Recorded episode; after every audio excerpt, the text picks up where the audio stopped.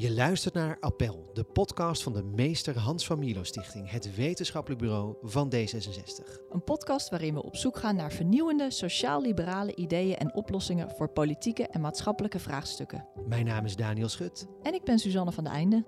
Oneenigheid mag er zeker zijn als je daar maar op een vreedzame manier uiting aan kan geven. Dat is belangrijk, want dan krijg je waakzame burgers. Dan krijg je burgers die denken: oké, ik kan niet gewoon achteroverleunen, ik moet constant kijken naar wat er gebeurt. Onze democratie vertoont technocratische tendensen.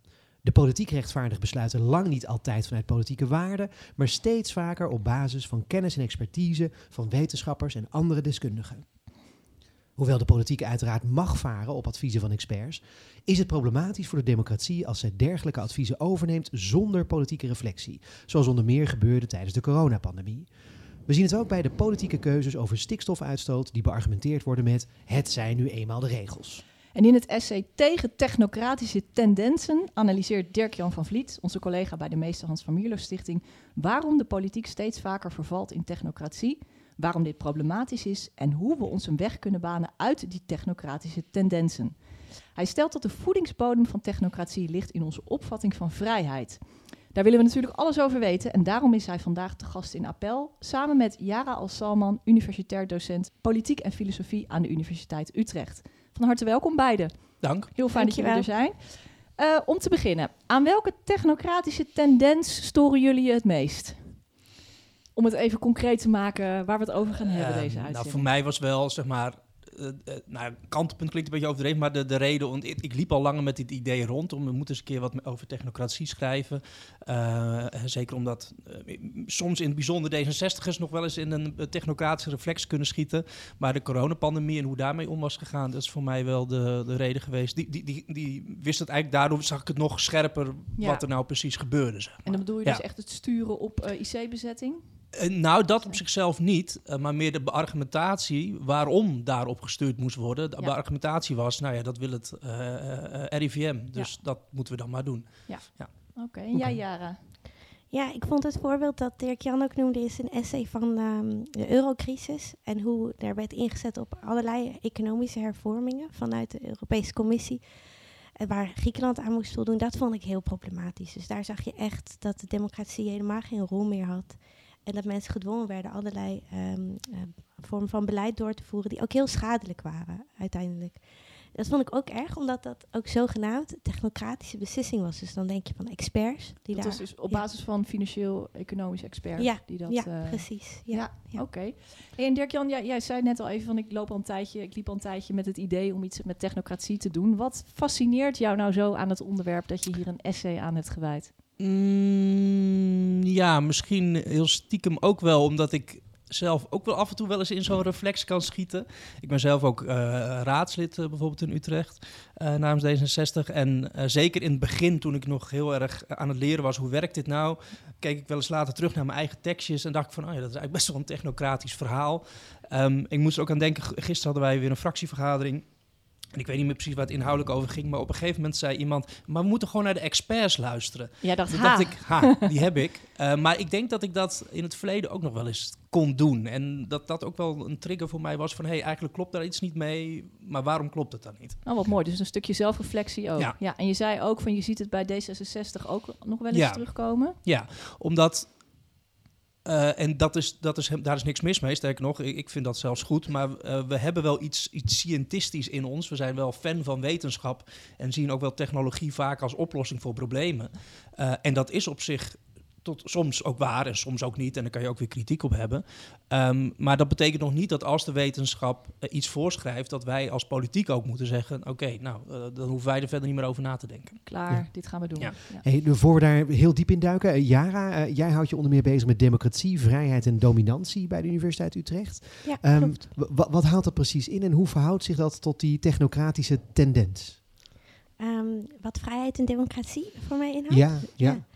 Dus misschien goed om te zeggen, ik uh, heb onderzoek gedaan lang naar eigendomsinstituties en hoe die ofwel mensen kunnen emanciperen of ehm, problematische hiërarchische relaties kunnen versterken. Wat bedoel je met eigendomsinstituties? Even Nou, dus we hebben allerlei verschillende vormen van eigendom. En ik kijk ik wil naar groepseigendom en het idee van de commons. Dus, maar eh, dat staat tegenover natuurlijk eh, individueel eigendom of een andere structuur waarbij je bijvoorbeeld een bedrijf een eigendom hebt. Ehm, al die verschillende instituties die hebben effecten op mensen eh, en die geven ook macht aan verschillende mensen. Nou, om, dat, om die macht te kunnen eh, evalueren had ik een idee nodig van, van vrijheid en een manier nodig om macht te kunnen evalueren.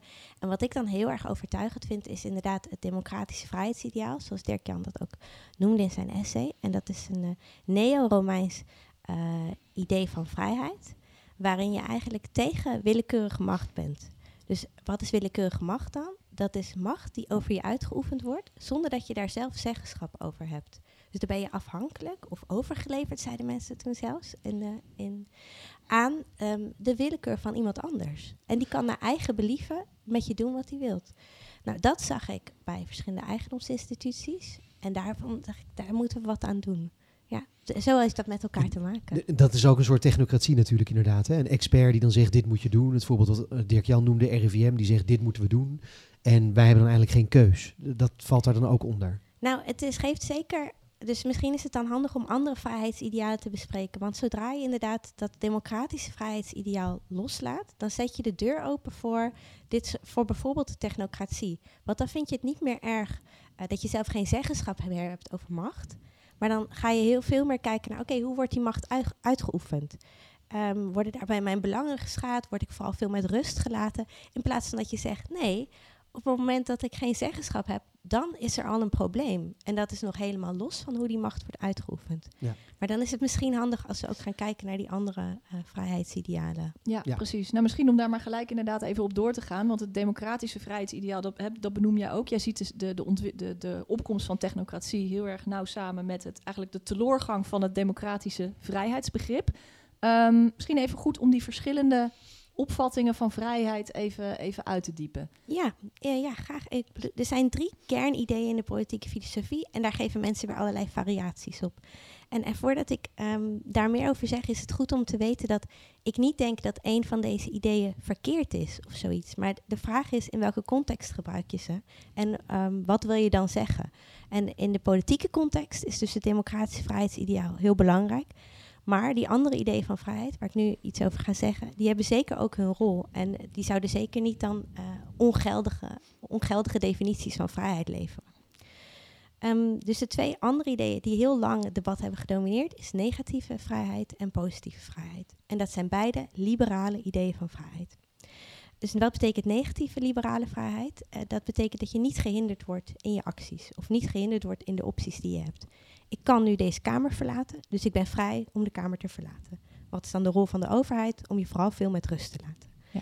Positieve liberale vrijheid gaat over individuele autonomie. Dus weer individueel en zelfbestuur. Maar nu is het niet alleen maar dat ik niet word gehinderd in opties, maar dat ik ook een hele adequate variatie heb aan opties waar ik uit kan kiezen. Dat moet de- daar moet de overheid voor zorgen.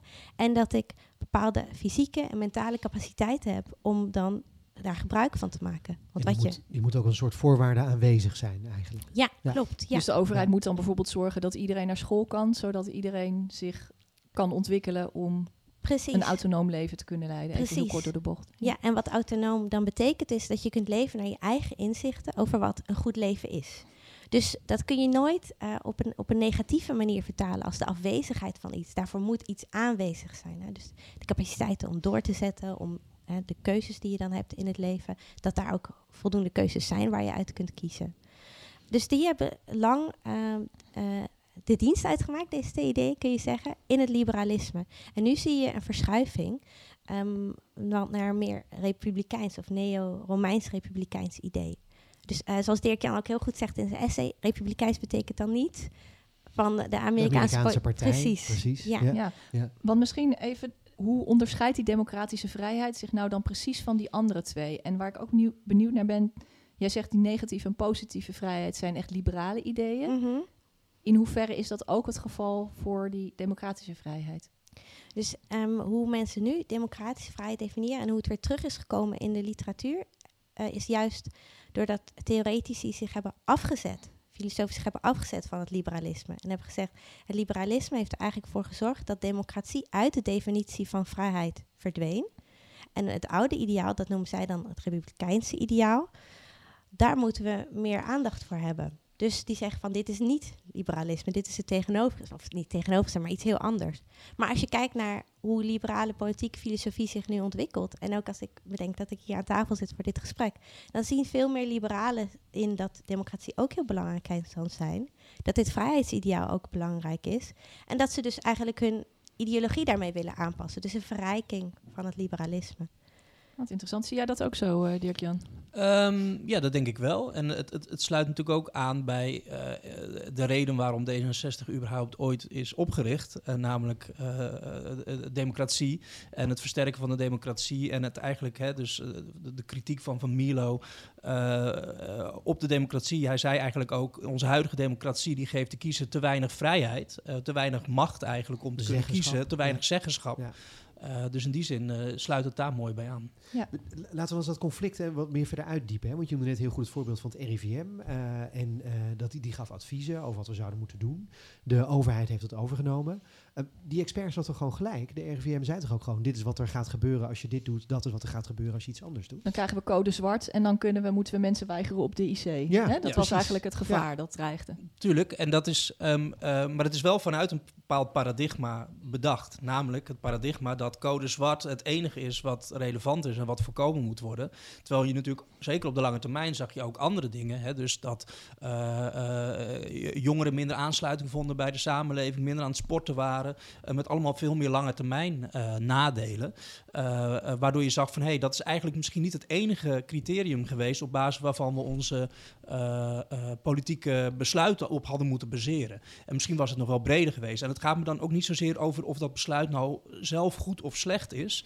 Um, het gaat erom, is het voldoende de democratisch gelegitimeerd? En dat is, de, dat is eigenlijk mijn hoofdvraag. Want jij zegt eigenlijk, als, er, als de politiek daar goed op een democratische manier over had gedelibereerd, dan waren ze misschien wel op hetzelfde uitgekomen.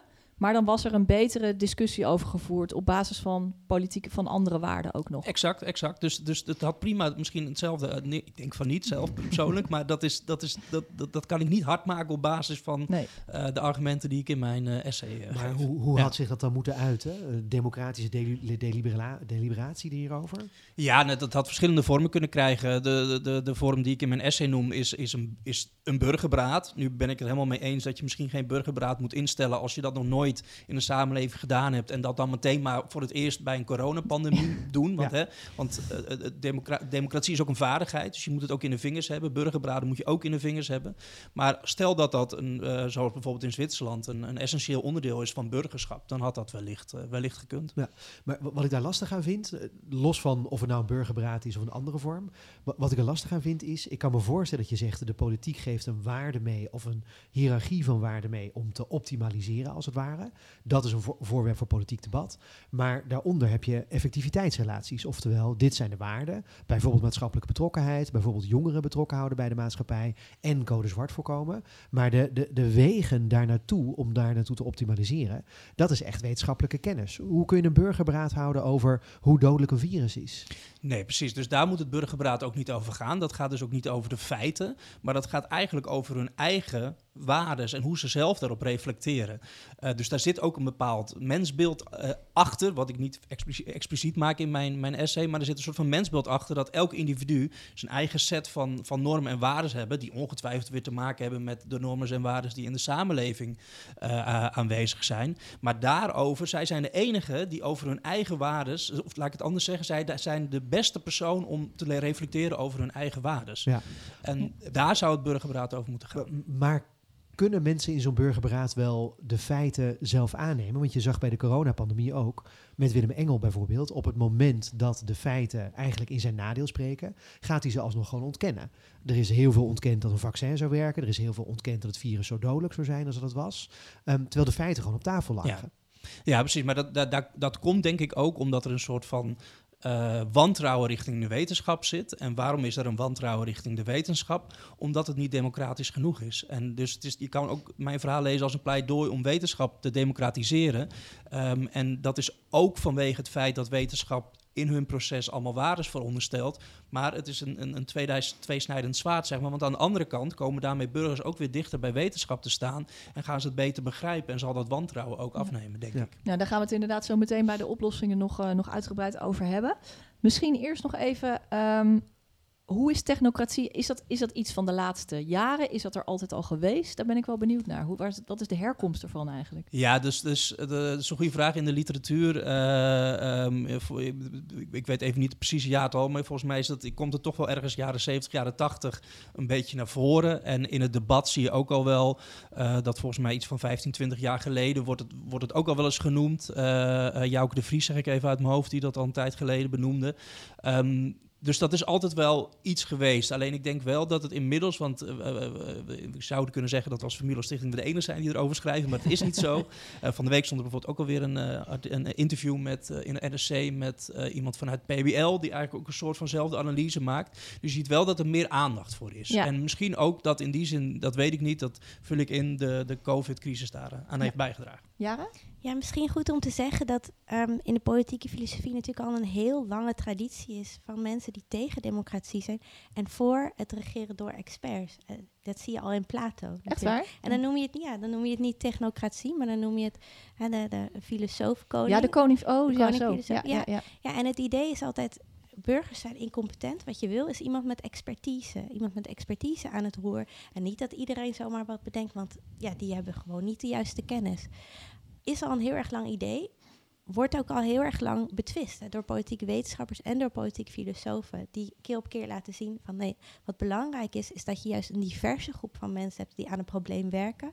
Die bereiken vaker nog betere oplossingen dan experts. Dus dat is één punt. En het andere punt is, expertise gaat inderdaad over empirisch verifieerbare feiten. Maar mensen ehm, verschillen fundamenteel van inzicht over hun normen en waarden. Zoals, zoals Dirk-Jan ook terecht zegt.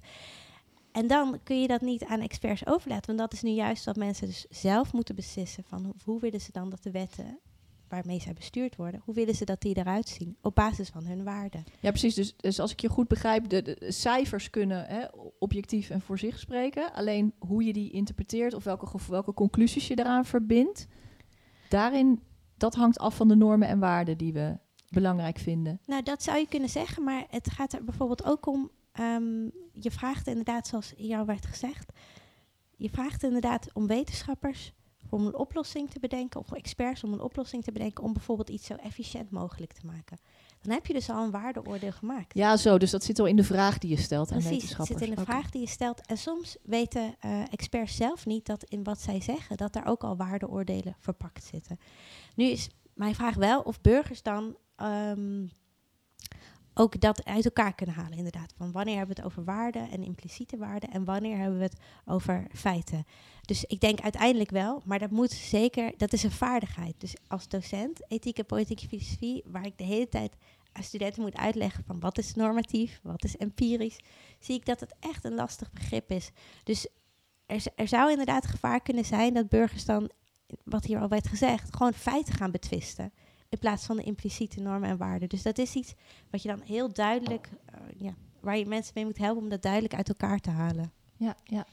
En nog even, ehm, als het gaat nog om, om die, die ontwikkeling van technocratie. ehm, hoe hangt dat nou samen met onze opvatting van vrijheid? En met die veranderende opvatting van vrijheid ook? Daar ben ik nog wel heel benieuwd naar. Ja, dus ehm, even denken.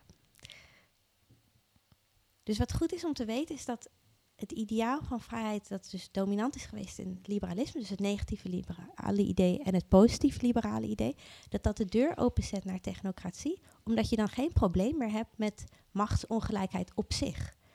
Dus ehm, republikeinen waren daar op zichzelf al tegen. Dus wat zeiden zij?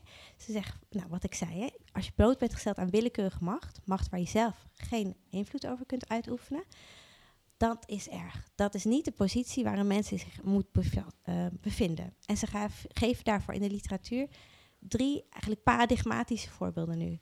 Van een slaaf versus een burger, of een slaaf versus een meester, een dictator versus een subject en een echtgenoot versus een echtgenote.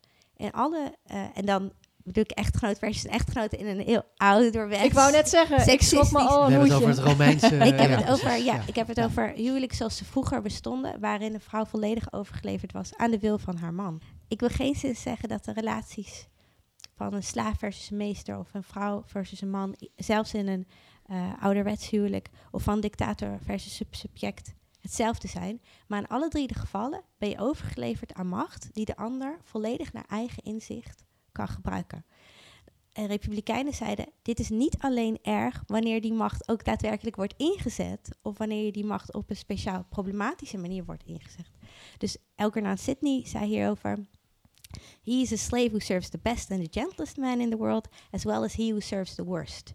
Dus je bent nog steeds een slaaf, ook al laat je meester je toevallig eh, een dag of hele weken met rust. Ja. Ja, ja. ja. En nu zeggen negatief liberalen, eh, of voorvechters van het negatieve liberale idee van vrijheid, nee, een slaaf die met rust gelaten is, die is gewoon vrij. Ook al is hij dan, heeft hij dan de status van een slaaf. Dus dat was een an- ander verschil. Maar wat zeiden de Republikeinen dan? Nou, om dan vrij te kunnen zijn, moet je dus wel zeggenschap hebben over de macht die over je wordt uitgeoefend. Dus vrij kun je alleen maar zijn in een democratie. Het kan ook weer niet dat jij in je eentje gaat bepalen wat de dictator bedenkt, want dan ben je gewoon een nieuwe dictator. Dat moet dus iedereen op gelijke voet en samen met elkaar doen. Dit is in elk geval de moderne interpretatie van het republikeinse ideaal, waar iedereen eh, kan deelnemen aan de democratie. Dus alleen al de mogelijkheid van onderdrukking en overheersing is al eh, is al problematisch. problematisch. Maar wanneer je dan dus wel regels oplegt en die zijn democratisch besloten, dan is dit niet meer een beperking voor je vrijheid. Want je hebt gewoon deelgenomen aan het democratische proces. En nu zou een voorvechter van het liberale negatieve idee van vrijheid zeggen: nee, een wet belemmert mij. Dus die is altijd een beperking van de vrijheid, ook al is die nog zo goed of slecht.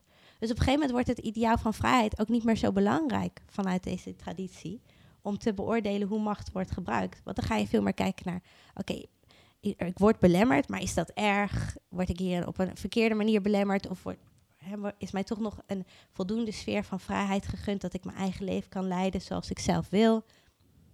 Dan is het allemaal niet zo erg. Dus hoe zet je de deur nu open naar technocratie? Door te zeggen, machtsongelijkheid, niet zelf meebesturen, is allemaal geen probleem. De vraag is altijd, hoe wordt die macht gebruikt? Word ik met rust gelaten? Worden mijn belangen gediend? Prima. En dan past de technocratie natuurlijk... Het ideaal van de technocratie past dus heel goed bij dit denkbeeld. Ja, ja, en dan moet je dus denken, nou ja, de coronacrisis is één voorbeeld, maar het, het klinkt alsof het nog veel systemischer is wat jij zegt ehm, dan wat ik in eerste instantie misschien dacht. Dan gaat het dus ook om het stichten van een heel wetenschappelijk paradigma met universiteiten, met allemaal hoogleraren die dingen verzinnen over hoe we beter in zorg kunnen zijn. Ehm, en zolang we daar maar geld in eh, insteken, dan komt het wel goed. Dat, is dat het een beetje, dat abstracte? Of? Mm, eh, eh, Ik weet niet helemaal precies welke kant je op, op, op gaat, hè, maar het, het, het gaat meer ook om de relatie denk, tussen wetenschap en politiek. Ja. Eh, hè, dus bijvoorbeeld het voorbeeld wat ik eh, in mijn essay schrijf is... stel je wil weten eh, in een gemeente... ik wil morbide obesitas tegengaan. En er is een voedselwetenschapper die heeft daar veel onderzoek naar gedaan. Gemeente Wakkerdam. Gemeente Wakkerdam, die kan de vraag beantwoorden... welke instrumenten kunnen we inzetten om morbide obesitas tegen te gaan? Dus eigenlijk kan je een wetenschapper... kan je dus ook een soort van beleidsvraagstuk Hoe stellen. kunnen we? Dan zegt de Precies. wetenschapper zo. Ja. Oh, dat kun je bijvoorbeeld zo doen. eh, bijvoorbeeld eh eh, fastfoodketens weer uit de binnenstad. Geen snacksbars in de buurt van, van scholen, et cetera. Alleen wat de taak natuurlijk van de politiek is in deze... is reflecteren of die het tegengaan van morbide obesitas... of dat de enige waarde is die je wil nastreven... of dat er ook nog andere waarden zijn... zoals bijvoorbeeld eh, eh, eh, keuzevrijheid, ik zeg maar wat. Maar de- die vraag moet dan voorafgaan aan, eh, aan de opdracht die aan wetenschappers wordt gegeven. Zeg jij, want je zegt hè, van de, de politiek moet eerst nagaan van is dat het belangrijkste wat we willen, Ja. die morbide obesitas. Nou ja, of ja, voor mijzelf, meestal als ik pas eh, vragen ga stellen, snap ik zelf wat ik, Ja. wat ik wil bereiken. dus eh, ik zou dat juist combineren. En daarvoor is zo'n Ja. burgerberaad dan ook weer een uitstekend eh, middel. Want dan kan je dus en met de wetenschappers en met burgers, maar ook met de volksvertegenwoordigers, kun je samen een gesprek voeren. En zelf ook in dat gesprek je eigen vraagstelling helder krijgen. Ja, van wat wil je nou eigenlijk precies onderzoeken? Ja. En hoe had dat besluit dan anders? Want ik vond het wel een mooi voorbeeld inderdaad in je essay... van die eh, tegengaan van eh, morbide obesitas in de gemeente Wakkerdam. Ja. Hoe had, hoe had dat besluit dan, dan anders kunnen uitvallen? Want op zich, hè, het weren van snackbars, het, tegengaan van morbide obesitas, zou ik denken, nou, dat is een doel waar weinig op af te dingen valt. Nee, precies. Dus ehm, dan is het ook wel weer interessant om weer even naar die vrijheidsbegrippen te kijken. Ja. Ik ben ook wel benieuwd hoe, eh, hoe jij ernaar kijkt. Hè? Want je kan natuurlijk inderdaad vanuit een puur uh, liberaal vrijheidsidee, ja, je wordt gewoon ingeperkt in je vrijheid. Um, uh, want je, je, kan niet meer naar de snackbar. Je moet verder lopen voor een patatje. Precies, dus, um, he, dus als je daarvan uitgaat, zou je zeggen van nou, dat kan dus niet. Maar eigenlijk weer vanuit het democratische vrijheidsbegrip um, zou je zeggen van nou ja, mits de, de beslissing democratisch gelegitimeerd is. En met gelegitimeerd bedoel ik dan hè, dat de goede, het goede proces is gevolgd en dat iedereen gehoord is en iedereen zijn zegje heeft kunnen doen. Ja, dan is er op zichzelf niet zoveel mis met die beslissing, zou je kunnen zeggen. Ja, inderdaad. Het zwaartepunt bij het beoordelen van, dit verhaal voor de gemeente Wakkerdam en morbide, uh, morbide obesitas gaat dat naar de procedures. um, hebben mensen een, Ehm, op een eerlijke manier hun zegje kunnen doen. Hebben ze inspraak gehad? Is iedereen gelijk daarbij in die, in die democratische inspraak? En is er dus inderdaad een afweging gemaakt over welke waarden we hier nu willen nastreven? Als dat niet zo is, omdat uiteindelijk toch blijkt dat de morele vraag naar de wetenschap niet, niet duidelijk was gemaakt, dat daar niet op is gereflecteerd en dat eigenlijk we de morele ideeën van de wetenschappers hebben overgenomen, die daar, overgenomen, die daar dan weer impliciet in waren in hun adviezen, dan kun je zeggen van oké, dit is niet een beslissing die we inderdaad democratisch hebben genomen. En dan is het dus een beperking van onze vrijheid. Maar de, um, het haardpunt verschuift dus niet, verschuift dus van het alleen maar kijken naar inhoudelijk, was dit een goede beslissing of niet? Van beheren van snackbars, wat, wat ik een goede beslissing mhm, vind. Mhm. Naar hoe is die beslissing genomen? Maar toch misschien nog wel even een open deur, maar toch wel goed om hem even te benoemen. Um, een gemeenteraad is een democratisch, in dit geval van, van Wakkerdam, is een democratisch gekozen instituut. Dus waarom is het onvoldoende als dit democratisch gekozen instituut hier een beslissing over neemt? Waarom is dat niet genoeg? Nee, ik vind het in dit geval dus niet onvoldoende. Want ze hebben duidelijk gezegd tegen die wetenschapper van dit is het doel dat we willen nastreven. Dus ik ga ervan uit dat daar deliberatie aan vooraf is gegaan in de gemeenteraad. Ja. Maar dat is dus ook waar ik naar kijk. Ik kijk dus naar, is dat goed gegaan? Ja. ja. En hebben ze niet iets uitbesteed? Door, door niet over die waarden te, na te denken en niet zelf daarin de keuze te maken. Ja. Ja, precies. En um, uh, dus dat, dat, dat, ik heb eigenlijk twee dingen. Dus je, kan je afvragen, is de representatieve democratie, werkt die, uh, werkt die lekker? En dat zou in dit geval zomaar inderdaad het geval geweest kunnen zijn. Uh, alhoewel ik uit eigen ervaring ook wel weet dat er wel eens raadsleden in debatten zeggen van... ja, maar de ex bijvoorbeeld ging het ook weer over, oh ja, over um, alcoholpreventie en tegengaan van alcoholisme en, en drinken onder jongeren. Um, daar had de, een wetenschapper had gezegd van ja, als je gewoon het aantal aan, uh, punten van aanbod, als je die gewoon vermindert, uh, dan zul je zien dat de problemen ook zullen afnemen.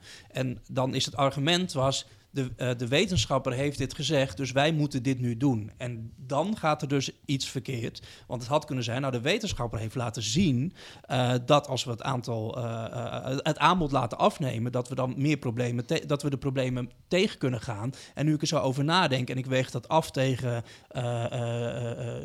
vrije keuze, nou dan vind ik dat eigenlijk wel een prima ding om te doen. Ja. Kijk, dan, dan, dan was het prima geweest. Ja, maar dat is, nog, dat is nog één element. Ja. Tegelijkertijd, ik ben ook wel benieuwd hoe, hoe, jij ernaar kijkt. Want je zou het ook natuurlijk wel vanuit de democratische, de democratische vrijheid gewoon een kritiek kunnen leveren op de representatieve democratie überhaupt. Omdat die toch een soort van het het uitbesteedt, zou ik zeggen. Hè? Dus het is niet, je hoeft zelf niet meer te reflecteren. Je kan zelf met rust gelaten worden. Um, want we geven mijn, uh, mijn volksvertegenwoordiger, die, die gaat dat verder voor mij doen. En dan kan ik weer vier jaar met rust gelaten worden. Dus zo zou je het ook wellicht kunnen zien. In de kern is representatieve democratie volgens jou misschien essentieel wel technocratisch. Nee, dat zou ik niet zeggen, want dat hoeft niet per se. Dus een representatieve democratie kan ook niet technocratische tendensen vertonen.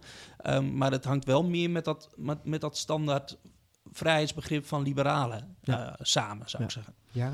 Ja, hoe representatieve democratie lang geleden werd verdedigd, was juist als een vorm van technocratie. We gaan toch niet alle burgers samen laten beslissen over wat we willen. Stel je voor. Stel je voor, we moeten dat inderdaad door een kleinere groep laten doen. En het idee was dat juist ook doordat ze verkozen werden, dat je dan waarschijnlijk de beste wel naar boven zou kunnen krijgen. Je zegt lang geleden, wanneer was dat ongeveer?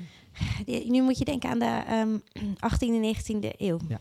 ja. ja. Um, maar ja, hoe kijk ik daar nu tegenaan? Dus ik denk, een representatieve democratie hoeft niet een vorm van uitbesteden te zijn als de burgers maar zich dragen zoals het republikeinse ideaal betaamt. Namelijk dat ze echt alert zijn en dat ze ook betrokken zijn bij de politiek. Ik stem veel vaker dan vier jaar, maar ik ben ook um, eh, betrokken dan ondertussen. Nou, het gaat nu niet over mij, maar je hoort dus ook betrokken te zijn. En te kijken, oké, wat doen politici? Wat voor ideeën hebben ze? Daarop te reflecteren. Meer te doen dan alleen maar te stemmen. Bijvoorbeeld ook deel te nemen aan demonstraties.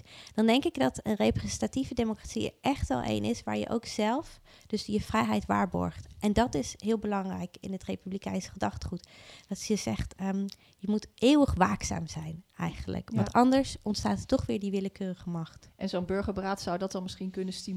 Want ik zit even te denken, nou, de, de verkiezingen komen eraan. Mensen, Mhm. wat ik een beetje in mijn omgeving hoor, mensen vullen de stemwijzer in, maar die gaan niet al die verkiezingsprogramma's bijvoorbeeld eh, lezen. Dus dan gaat het ook echt alleen nog maar om het, eh, om, om, om, de, om het gedrag bij de verkiezingen.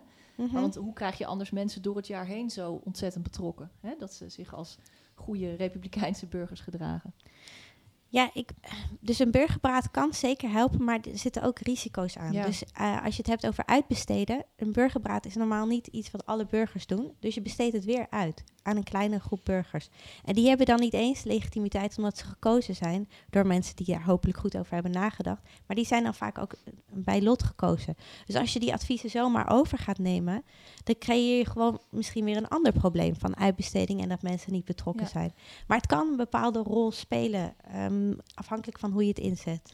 Nou, want dat, dat was inderdaad ook wel een vraag aan jou, eh, Dirk-Jan. Want om even bij Wakkerdam te blijven. ehm, jij zegt van dat het dan eigenlijk de burgers zouden moeten zijn hè, in zo'n burgerberaad... die de beslissing zouden moeten nemen hè, over, de, eh, over, de, over deze specifieke casus. Maar ja, dan, dat is toch in strijd dan met het grondwettelijk mandaat van, eh, van de gemeenteraad. Ehm, ja, dus misschien even goed om te zeggen. Dus het, het, het, eh, waar het om gaat is dat eh, bij een burgerberaad, dat niet, die hoeft niet per se te worden ingesteld. En die wordt, kan op, wat mij betreft is mijn voorstel op initiatief van de, van de burgers zelf. Ja. Dus ehm, als eh, een politiek orgaan een besluit neemt waarbij wetenschappelijke inzichten een belangrijke rol spelen, dan moet het mogelijk worden gemaakt voor burgers om te zeggen van, god, dat vind ik toch wel interessant. Ik wil hier graag een burgerberaad over organiseren, want ik wil graag in gesprek met eh, de wetenschappers over hun veronderstelde aannames tijdens de, eh, hun wetenschappelijke processen. Welke bevindingen zijn ze gekomen, zodat wij er ook weer over politiek kunnen reflecteren. Dus het is niet gewoon bij elke beslissing die er gemaakt wordt, er een burgerberaad wordt ingesteld, maar op initiatief eh, bij de burger zelf. En hoe voorkom je dan, ehm, ik weet niet of dat ook een zorg was om die burger in, de 18e en 19e eeuw juist niet zoveel, niet zoveel te zeggen te geven, dat mensen bij hun eigen belangen blijven hangen. Hè? Dus als er in Ja. een burgerberaad een snackbar-eigenaar zit, of misschien wel meerdere, Ja. die zeggen, ja hoppatee, niks eh, verbod op snackbars. Ik wil Ja. gewoon, eh, hè, of als het gaat om, om zorg bijvoorbeeld, hè, dat, mensen, dat daar mensen in zitten die zeggen, Ja. ja. ik heb die en die aandoening en die moeten gewoon vergoed blijven. Ja. Nee, dus dat, dat, dat zijn allemaal terechte vragen, denk ik. Ehm, en er is natuurlijk al best wel veel geschreven ook over hoe je nou... eh, denk aan bijvoorbeeld Eva Rovers, die geschreven heeft over hoe kunnen we nou een burgerberaad goed organiseren.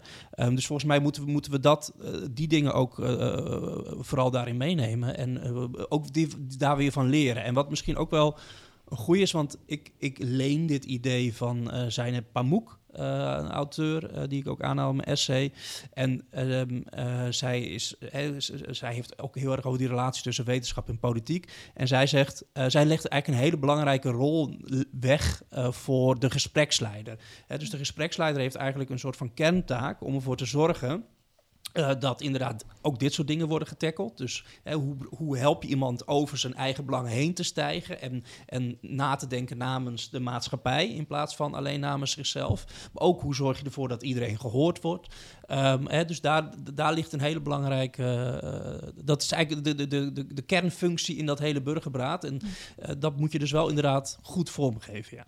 Ja, ja, want een van de burgerberaden die je eigenlijk voorstelt, je stelt drie verschillende types voor, eh, is een, een wetenschapsburgerberaad. Ja. vertel eens, hoe, hoe werkt dat? Nou ja, dus dat is precies, precies die die ik net noemde. Hè? Dus eh, als eh, een politiek gremium, of het nou de gemeentepolitiek is of de landelijke politiek is, zij maken een besluit waarbij wetenschappelijk inzicht een belangrijke rol spelen. Bijvoorbeeld het besluit, we gaan snacks baseren in de buurt van basisscholen. En dat doen we gemotiveerd, omdat blijkt dat daardoor eh, het aantal gevallen van morbide obesitas tegengaan. Nou, dan zou je als burger kunnen zeggen van, dat, is, is interessant, maar hoe, hoe komt dat eigenlijk? Hoe, hoe, werkt dat? Hoezo werkt het inderdaad wel? Daar heb ik misschien wel mijn twijfels over. En nou, dan is dat voor, eh, eh, voor de burger een moment om te denken van, nou, daar wil ik eigenlijk wel een burgerberaad over organiseren. Ehm, eh, dus zo. Ja, en je zegt dat het initiatief moet dan eigenlijk vanuit de burgers zelf komen. Gaat dat dan wel gebeuren? Met de, de, hè, je schetst net van de, de, de burger is eigenlijk te weinig betrokken. Zou, je, zou dat juist niet meer vanuit de politiek gestimuleerd moeten worden of gestuurd zelfs? Dat weet ik niet, maar ik wil wel reageren op het idee van, van deze wetenschappelijke burgerbraden. Want wanneer je uh, zoiets voorstelt, het is een mooi idee, maar je moet ook weten in wat voor context landt dat nu. En nu is er heel veel wantrouwen naar de wetenschap. Maar worden wetenschappelijke bevindingen vaak afgedaan als ook maar een mening. En uh, ja, als je dan burgers daar ook toe uitnodigt om te zeggen van ja, ga die wetenschappelijke bevindingen maar betwisten, wat krijg je dan? En ik zou zelf bang zijn dat je dan uh, um, het idee dat wetenschap wordt gedaan via de wetenschappelijke methode, dat de inzichten daar echt hè, op een uh, structurele manier worden ondersteund, dat je dat ondergaaft. En dat mensen denken van wetenschappers hebben een idee, ik heb een idee, het is allemaal Het is hetzelfde. Ja. Maar dat zie je nu toch ook al gebeuren? Ja, daarom, daarom, daarom zou ik zeggen van in deze context moet je dat misschien dus niet doen. Omdat in deze context er zo zoveel wantrouwen is naar de wetenschap, dat dit niet goed gaat landen, maar dat Ja. mensen de verkeerde conclusie trekken. Hoe zie jij dat, Dirk-Jan? W- Wanneer kan je het wel doen, wanneer kan je het niet doen? Ja, het is wel grappig, want ik, eh, ik, ik heb ook zijn Pamuk mogen interviewen en ik heb haar precies Mhm. deze vraag eh, gesteld. Ehm, en haar antwoord was, en daar ben ik het ook wel mee eens, is dat het is ook niet, het, moet heel duidelijk zijn dat het doel niet is van zo'n beraad, eh, of zij noemt bij haar heet het science courts, Ehm, dus meer een soort van jury. Ja, rechtbank. Ja, de rechtbank klinkt meteen zo heftig. Ehm, maar, maar het gaat dus ook niet om de feitelijkheden van wetenschappers te bediscussiëren. Nee, het gaat om de veronderstelde normen en waarden die tijdens het wetenschappelijk proces eh, bewust of onbewust worden, worden meegenomen, om die eh, daarover te reflecteren. En ook dus niet zozeer te bediscussiëren van dit is goed en dit is fout, maar meer te zeggen van, goh, eh, jullie wetenschappers hebben nu deze, deze normen en waarden verondersteld, maar ik heb eigenlijk hele andere. Maar je blijft maar aannemen dat het kan in zekere zin. Maar de, de voorbeelden zijn toch wel schrikbarend wat dat betreft. BBB die dan een onderzoeksrapport financiert over stikstofuitstoot. Dat wetenschappelijk slaat het helemaal nergens op. Ehm, en dat moet dan als citizen science gelden daartegenover. Hoe moet je daarmee omgaan? Ja, goede vraag. Volgens mij eh, eh, lijkt het mij vrij eenvoudig om eh, dat niet ieder bureau een wetenschappelijk bureau is waarover je zo'n beraad mag organiseren. Dus dat zijn de gerenommeerde instellingen, zou ik zeggen. Maar, maar hoe open is zo'n beraad dan daadwerkelijk? hoe bedoel je, hoe open? Nou, als je dan toch weer gelijk normen neerlegt van zo moet je Nee, nee, wetenschap nee. maar bedrijven. Het gaat niet zozeer om openheid. Het gaat om eh, ehm, eh, eh, die wetenschappelijk inzichten, juist van die gerenommeerde instellingen. Die wordt, dat zijn degenen die de ambtenaren gebruiken, die zijn degenen die de politici gebruiken om hun beleid op te baseren. Dus die. Moet, daar moet je voor jou op focussen. En eh, een bureautje wat, wat, waar verder niemand zijn beleid op stoelt, ja, dat, dat is niet relevant. Ja, Ja, ik vind het onderscheid heel helder in theorie. Ik, ik vraag me gewoon af of, of het zo gaat werken. En daar moet je denk ik voorzichtig mee zijn. Dat betekent niet dat ik denk dat burgers geen inspraak moeten hebben... of dat je geen burgerberaden moet eh, organiseren. Integendeel, dat denk ik wel. Maar specifiek bij die science courts vraag ik me dit dus af. Krijg je dan niet meer wantrouwen naar de wetenschap? En moet je dat dus niet op een andere manier... de betrokkenheid van burgers bestendig bij het nadenken... over de waarden die impliciet zijn in de beslissingen van politici eigenlijk? Ja. Ja, he- helemaal eens dat we daar voorzichtig in moeten zijn. Hè? Ja. Dus we moeten het niet in één keer radicaal voor alles gaan invoeren. Dus laten we het vooral proberen eerst. En, en misschien, ik denk namelijk dat het juist helpt bij Hmm. het wantrouwen richting de wetenschap. Maar ja, wie ben ik? dus eh, laten we het gewoon eh, wetenschappelijk testen. Dat lijkt me goed. Ja. Ja. Ja.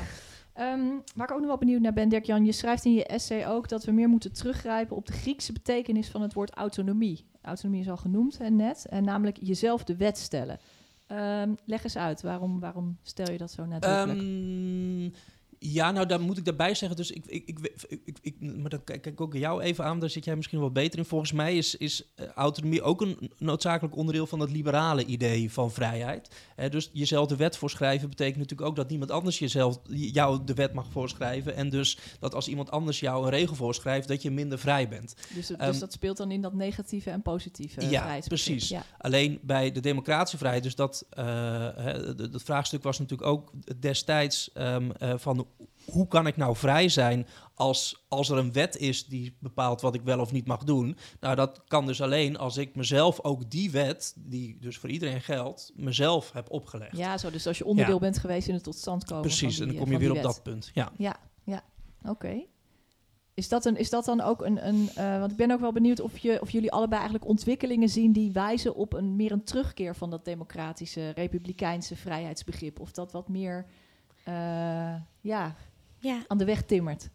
Nou, zeker in de politieke filosofie. Ja, of dat daar buiten ook zo is, dat weet ik niet. En dan is het misschien ook wel interessant om te weten dat um, republikeins politieke filosofen die kijken naar de geschiedenis van dit democratische ideaal, eigenlijk vaak dezelfde tendens zien. Namelijk dat er een ideeënstrijd voert over wat nu eigenlijk vrijheid is, tegen de achtergrond van een machtsstrijd. En wat zij betogen is dat het uh, negatieve liberale idee van vrijheid, dat dat eigenlijk altijd elites heeft gediend. Dat zij het ook willen inzetten. Dat mensen die uh, de macht van elites willen verdedigen ook zeggen, dit is wat vrijheid is, het is met rust gelaten worden. Terwijl de revolutionairen dus vaak zeiden van nee, macht, sorry, vrijheid betekent dat ik um, meer macht ga krijgen. Dus dat ik deel kan nemen aan hoe het collectief bestuurd wordt.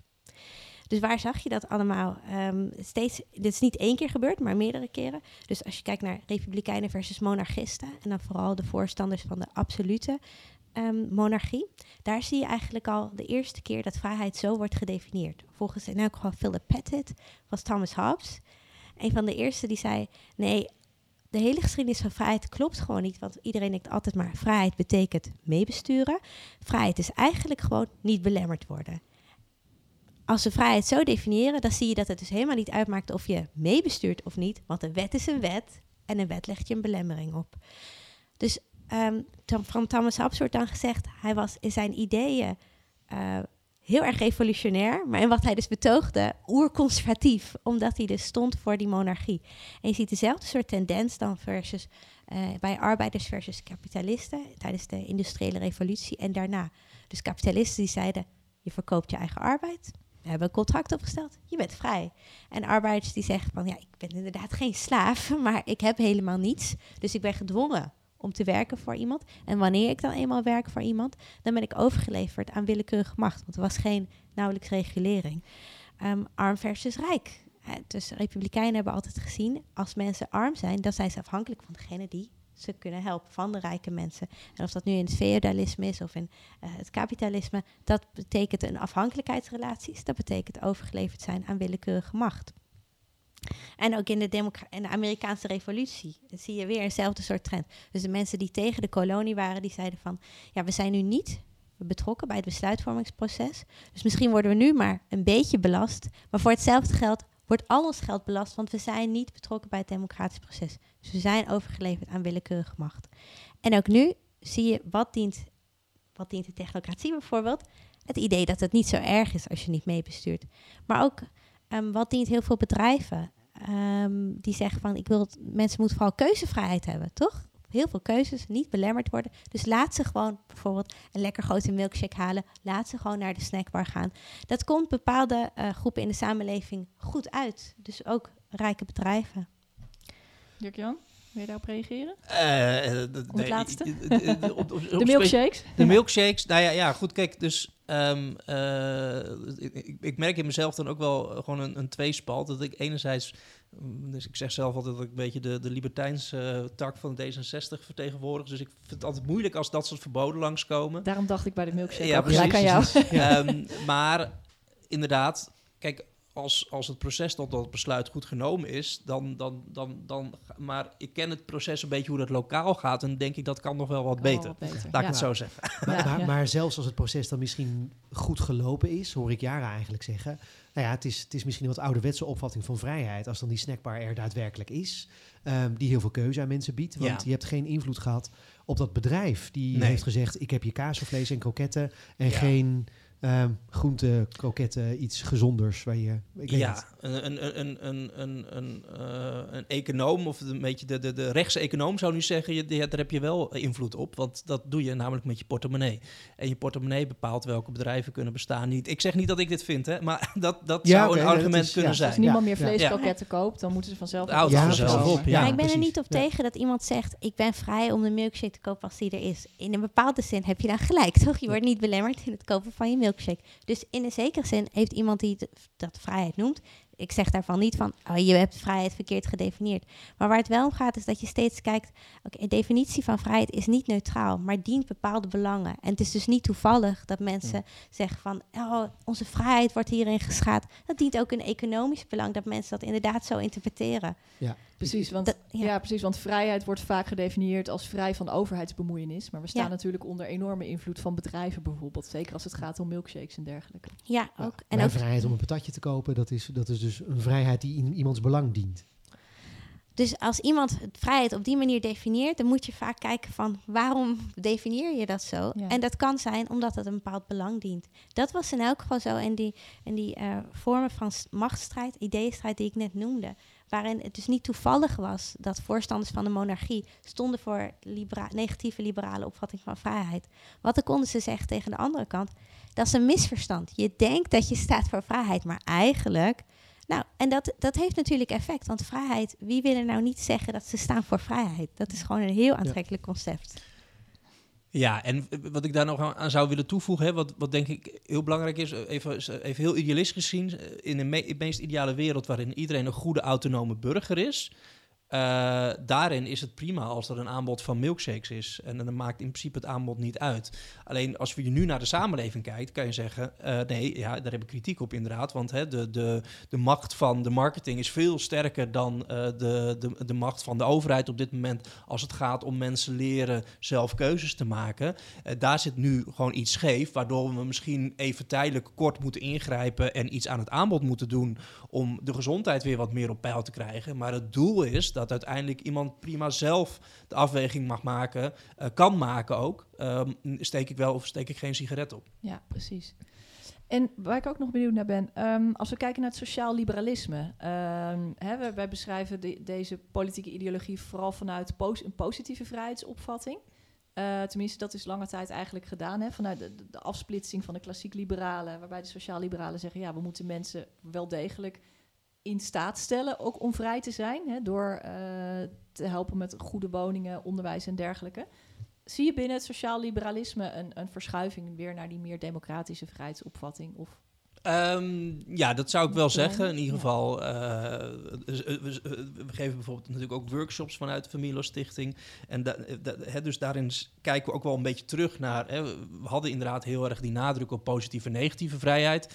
Ehm, eh, en blijkbaar dus ook met de politieke filosofie mee zijn wij ook meer ook toch de democratische vrijheid erbij te betrekken. En ja, we noemen het dan bijvoorbeeld een rijke vrijheidsbegrip, waar, Ja. waar de verschillende begrippen allemaal hun plek hebben, maar waar zeker ook op dit moment wat meer aandacht mag zijn eh, eh, voor dat democratische vrijheidsbegrip. En zie je dat al een beetje doorvertaald bij D66? Oeh, Als sociaal-liberale ehm, partij? mm, oeh, dat is een goede vraag. Nou, ik denk, denk dat dat, nog- in ieder geval laat ik het zo zeggen, nog niet in deze verkiezingen, maar dat zou misschien ook wel wat, eh, wat heel snel, eh, eh, wat zijn, snel eh. zijn. Ja. Ja, misschien dat ik een nuance kan aanbrengen in wat ik tot nu toe heb gezegd. Ook omdat we het nu hebben over, hè, moet D66 of zal D66 een ander vrijheidsideaal aannemen. Is het goed om te weten dat we het ideaal van democratie niet per se eh, hoeven te ehm, baseren op ons vrijheidsideaal. Dus er zijn genoeg theoretisch, genoeg politiek filosofen die zeggen van, oké, ik ben tegen technocratie, maar ik hang nog steeds een liberaal idee van vrijheid aan. Of dat nou positief is of negatief. Want die zeggen van ik ben tegen een bepaalde vorm van ongelijkheid, dus ook ongelijkheid in macht. Of die zeggen van ehm, het is, gaat niet om expertise, want het gaat erom dat een diverse groep mensen eh, meepraat, want die zullen altijd andere ervaringen hebben en dat is ook een vorm van kennis. Of ze zeggen nee, mensen, wat ik zei, hè, mensen verschillen fundamenteel van inzicht over wat goed is. Daarom moet iedereen meepraten. En het heeft niks te maken met vrijheid, maar nog steeds is het belangrijk dat je dan eh, mee kunt praten, omdat het toch. Ja. Of ze hebben wantrouwen naar eh, zogenaamde experts. En die denken van nou, het, eigenlijk is dat niet expertise. Dit zijn mensen die willen handelen in hun eigen belang. Dus als je, het, eh, als je puur zou varen op het positieve idee van vrijheid, betekent het niet dat je daarmee de democratie op hoeft te geven. Maar ik denk wel dat wat je uit het oog verliest, is het gevaar van willekeurige macht en het probleem van willekeurige macht. En ik denk dat eh, dat republikeinse ideaal, zij leggen heel goed uit wat daar mis mee is. En dat verlies je dan. Ja, dat vind ik mooi gezegd. En wat natuurlijk ook wel bijvoorbeeld een probleem is als het gaat om lokale politiek. Je zou kunnen beargumenteren dat dat tot op zekere hoogte, gezien de opkomst ook, bij hoeveel mensen er stemmen, dat dat enigszins willekeurige macht is. En eh, eh, ik kom uit Utrecht en in Utrecht doen we het nog relatief oké, maar ook qua qua representativiteit is onze volksvertegenwoordiging is, is niet optimaal. En dat zie je natuurlijk zeker ook nog weer in andere plaatsen in Nederland. Uh, dat het misschien nog weer wat schever is. Dus daar, daar, daar zit wel weer dat risico van die willekeurige macht in. Dat is even nu mijn, mijn punt. Vanuit uh, uh, um, zoals we nu de representatieve democratie georganiseerd hebben. Of misschien niet zozeer hoe we het georganiseerd hebben, maar het feit dat uh, mensen nog niet goed genoeg democratische burgers zijn. En bijvoorbeeld niet naar de stembus gaan met de lokale, uh, tijdens lokale verkiezingen. Ja, ja. ja, absoluut. Want dit democratisch vrijheidsideaal krijg je alleen met een um, heel stevig idee van burgerschap. Van wat burgerschap is. En daar horen ook bij burgerplichten. Dus um, burgerschapsonderwijs is nu verplicht gemaakt natuurlijk voor, voor allerlei lagen van ons onderwijs. En dat is heel erg goed. Uh, wat ik zie is dat het nog steeds gaat over verschillende waarden. Dat je leert wat die zijn. Um, of dat je goed met elkaar kunt discussiëren. Heel belangrijk. Maar wat er ook echt in moet zitten, is dat je begrijpt dat het jouw plicht is als burger om betrokken te zijn bij de politiek. Omdat je anders tot een speelbal. En hoe zou je dat moeten inrichten, concreet? Nou, hoe ik het onderwijs zou moeten inrichten. Ja.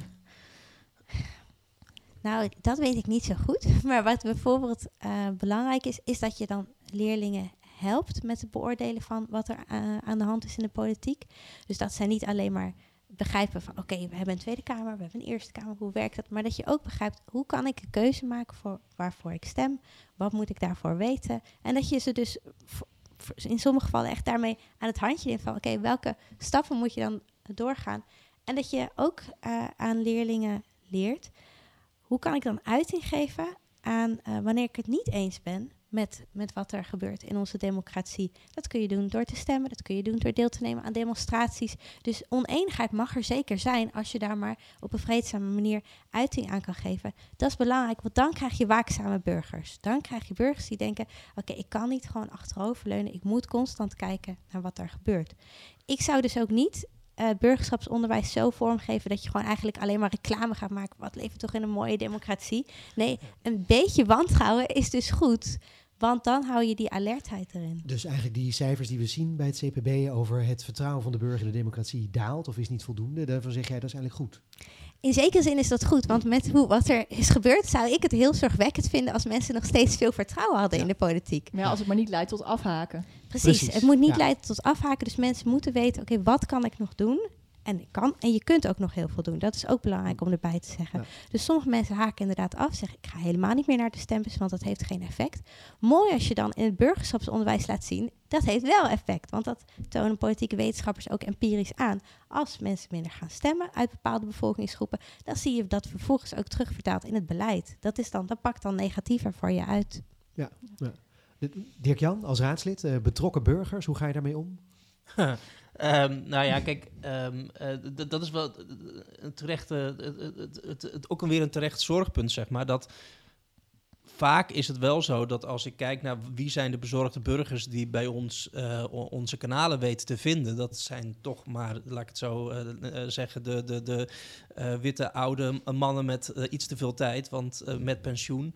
Um, en die weet, je, die ja. weet je te vinden, zeg maar. Terwijl eigenlijk de, de, de, waar je het verschil kan maken zijn misschien bepaalde, bepaalde buurten in, ik zeg maar wat, de wijk Overvecht in Utrecht. En die mensen, daar komt ongeveer, nou dat is de opkomst 17% zoiets van bij een de, lokale verkiezing.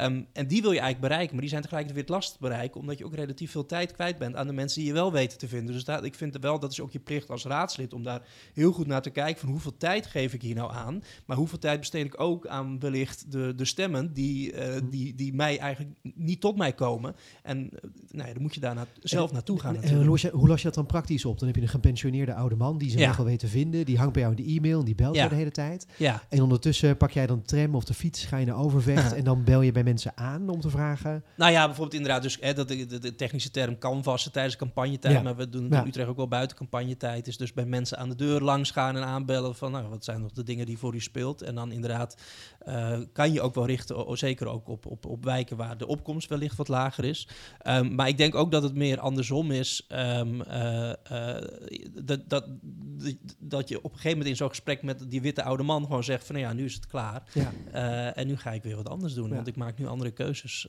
als politicus. ja. En vervolgens kan je natuurlijk ook de vraag stellen van ja, hebben we eigenlijk wel genoeg uren als raadslid? Formeel staat daar voor grote steden 25 uur per week voor. Is dat eigenlijk wel genoeg? Moet dat niet meer zijn?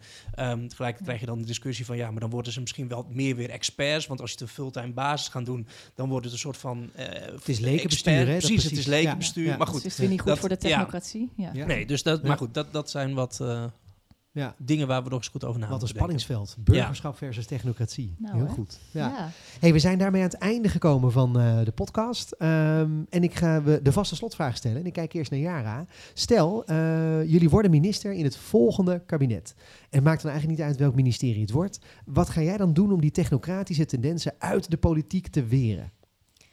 Nou, ik heb al wat gezegd over eh, burgerschapsonderwijs. Wat ik heel erg belangrijk vind. Om daar nog één anekdote over te geven. Dus wat ik vaak zie in straatinterviews is dat mensen, eh, op het nieuws, is dat mensen zeggen: Ik ga stemmen wat mijn ouders stemmen. Ja. Nou, als je het over uitbesteden hebt.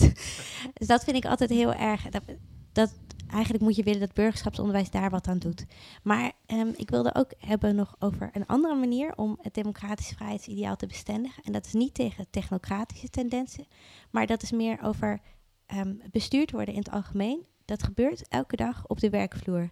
Dus eh, we hebben ondernemingsraden, dat is hartstikke goed. Maar dat is toch nog een beperkte eh, versie van democratie op de werkvloer. Dus als ik premier zou zijn, of als ik minister zou zijn, dan zou ik ervoor zorgen dat bedrijven veel meer gaan democratiseren, zodat werkers veel meer zeggenschap hebben over de plek waar ze elke dag zijn. Mooi. Ja. Dat is gelijk een heel mooi bruggetje naar de volgende podcast die we opnemen over dit onderwerp. Ja. Dus dank daarvoor. Heel goed. Ja. Dirk-Jan, Eh, van ja, de Raad Utrecht naar minister, Torentje. Minister van Vliet. Wat eh, gaan ja, we doen? nou ja, het zou heel gek zijn als ik nu niet eh, het burgerberaad zou noemen.